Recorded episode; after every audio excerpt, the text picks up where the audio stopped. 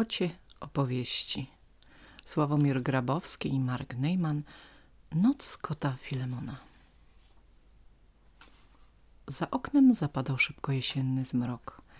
Zaraz też pociemniało w izbie i zaczęły dziać się dziwne rzeczy. Po pierwsze, ktoś na kogoś wpadł. Po drugie, coś gwałtownie zniknęło. Po trzecie, coś się niespodziewanie pojawiło. A po czwarte... Po czwarte, dziadek zapalił wreszcie lampę i wszystko natychmiast się wyjaśniło. Ale zanim zobaczymy, co się wyjaśniło, musimy wiedzieć jeszcze coś. Dziadek, który zapalił lampę, mieszka razem z babcią w małym domku na wsi. Razem z nimi mieszkają dwa koty. Kocur Bonifacy, który z niejednego pieca chleby jadł i niejednej myszy na ogon nadepnął, oraz Filemon. Filemon nie jada chleba z żadnego pieca, tylko pije codziennie mleko z miski, a myszy to mu na razie uciekają. Po prostu Filemon jest jeszcze mały, ale jak dorośnie, to ho, ho. W zegarze mieszka sobie kukułka i to już chyba wszyscy domownicy, ale... ale są także myszy, które mieszkają w mysich norach. Więc kiedy dziadek zapalił lampę, wszystko stało się bardzo proste. A było to tak. Najpierw dziadek wpadł na babcię, kiedy po ciemku szedł zapalić lampę. Potem zniknął kocur Bonifacy, bo jest czarny jak smoła i w ciemności go nie widać. A kto się pojawił? Oczywiście Filemon, bo on jest z kolei biały. Ot i cała tajemnica. Nikogo więc to całe zamieszanie nie zdziwiło, z wyjątkiem Filemona. Ten to by tylko kręcił ze zdumienia głową i pytał, pytał, pytał. Bonifacy, zaczął więc swoje Filemon, czy ja w ciemności też jestem taki, jakby mnie nie było? Wprost przeciwnie, odparł Bonifacy, troszkę urażony, że ktoś ośmiela się z nim równać. A czy to dobrze, czy źle? Bardzo źle. A dlaczego? Dlaczego? Nic tylko dlaczego. Całe dnie słyszę albo dlaczego, albo po co. Zdenerwował się troszeczkę Bonifacy. Mój drogi, czy ty jesteś kotem czy myszą? Hmm, oczywiście, że jestem kotem. Mam dłuższy ogonek i wąsy. No ja to powinienem polować na myszy, a nie one na mnie. Wypalił jednym tchem Filemon. Właśnie, roześmiał się triumfalnie Bonifacy. A co upoluje biały kot, którego w nocy widzą nawet prawie ślepe myszy? Filemon zrobił bardzo nieszczęśliwą minę. Nic się nie martw, pocieszył go Bonifacy. Jeśli biały kot dobrze poluje, to właściwie... Właśnie, chlipnął Filemon. Ciągle obiecujesz, że nauczysz mnie polować i co? Zacznijmy od razu. Mój drogi, Bonifacy z trudem ukrył ziewanie.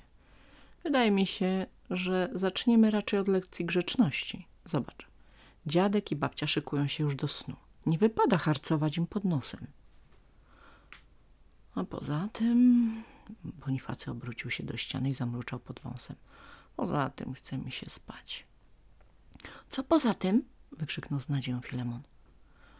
Poza tym dobranoc, Filemonie. Filemon z urażoną miną zaczął się układać do snu. Ledwie jednak zamknął oczy, usłyszał głośne stękanie. To dziadek mocował się z butem, który ani róż nie chciał mu zejść z nogi. Musiała babcia pośpieszyć z pomocą. Złapała za but, pociągnęła raz, pociągnęła drugi. But został jej w rękach, ale dziadek jak długi przewrócił się na łóżko. Zgrzytrach, bach, zajęczało łóżko. Drgnął Bonifacy na zapiecku, myśląc, że to myszy i mruknął przez sen. Stękajcie sobie, stękajcie i jęczcie ile chcecie. Jutro i tak was wszystkie wyłapie.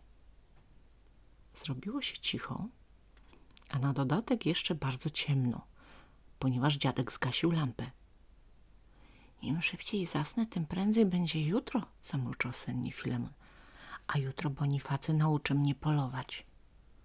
Zgrzyt, bach, trach, rozległo się nagle w ciszy. Co to było Bonifacy? zapytał Filemon. To oczywiście myszy. Szczękają zębami ze strachu. zamruczał Bonifacy i dodał, żeby nie było wątpliwości. Ze strachu przede mną, rzecz jasna. Trach, bach, zgrzyt. Bonifacy i Filemon podskoczyli równocześnie na cztery łapy. Bezszczelność tych myszy przekracza już granicę kociej wytrzymałości, zawrzał oburzeniem Bonifacy. Jeszcze trochę dam im nauczkę. Bach, trach, zgrzyt. Dziadku, zerwała się babcia z pościeli, ktoś obcy po izbie chodzi. Żaden obcy, burknął dziadek. To deska w moim łóżku skrzypi. Na dowód tego dziadek przekręcił się z boku na bok. Zgrzyt, trach, bach. Deska była już tak stara, że nie pamiętała jak ma skrzypieć i za każdym razem robiła to inaczej. Spróbuj, dziadku, zasnąć, poradziła babcia. Nie będziesz tak skrzypiał. Kiedy właśnie nie mogę, bo wciąż myślę o tej desce. Dziadek znów przewrócił się na łóżku. Zgrzyt, trach, bach. Ale psie życie, Bonifacy zazgrzytał zębami. Co też ja mówię, kocie życie jest znacznie gorsze i spać nie można. To może zapolujemy? Ucieszył się Filemon. Bonifacy nic nie odpowiedział, tylko westchnął żałośnie, a potem zeskoczył z zapiecka. Tuż obok, niby dojrzała gruszka, spadł Filemon. Nie hałasuj na polowaniu, skarcił go Bonifacy. Właśnie wybiegła z norki mała myszka i niepomna niebezpieczeństwa zaczęła biegać wokół stołowej nogi. Nawet nie wie, co czeka, szepnął zwycięsko Bonifacy. Uważaj, Filemonie, prężysz się do skoku i trach, bach, zgrzyt. Mysz oczywiście uciekła, ale za to wstał dziadek i zapalił lampę. Mam już dość tej deski, jęknął. Zaraz wymienię ją na inną. Wymienił dziadek deskę, a nasapał się przy tym nie mniej niż Bonifacy. Tyle, że Bonifacy sapał ze złości, bo spać nie mógł, a dziadek ze zmęczenia. Wreszcie wszystko było gotowe. Dziadek zgasił lampę i nastała cisza. Zachrapał dziadek. Pochrapywała cieniutko babcia. Kuku, kuku, kuku. Co pół godziny wrzeszczała jak opętana kukułka ze ściennego zegara. Brrr, brrr, mruczał przez sen Bonifacy. Jaka cudowna cisza, rozmarzył się Filemon, bliski snu, choć w izbie było głośno jak na jarmarku, na który co piątek jeździ babcia masło sprzedawać. A myszy w tym czasie harcowały sobie w najlepsze. Koniec.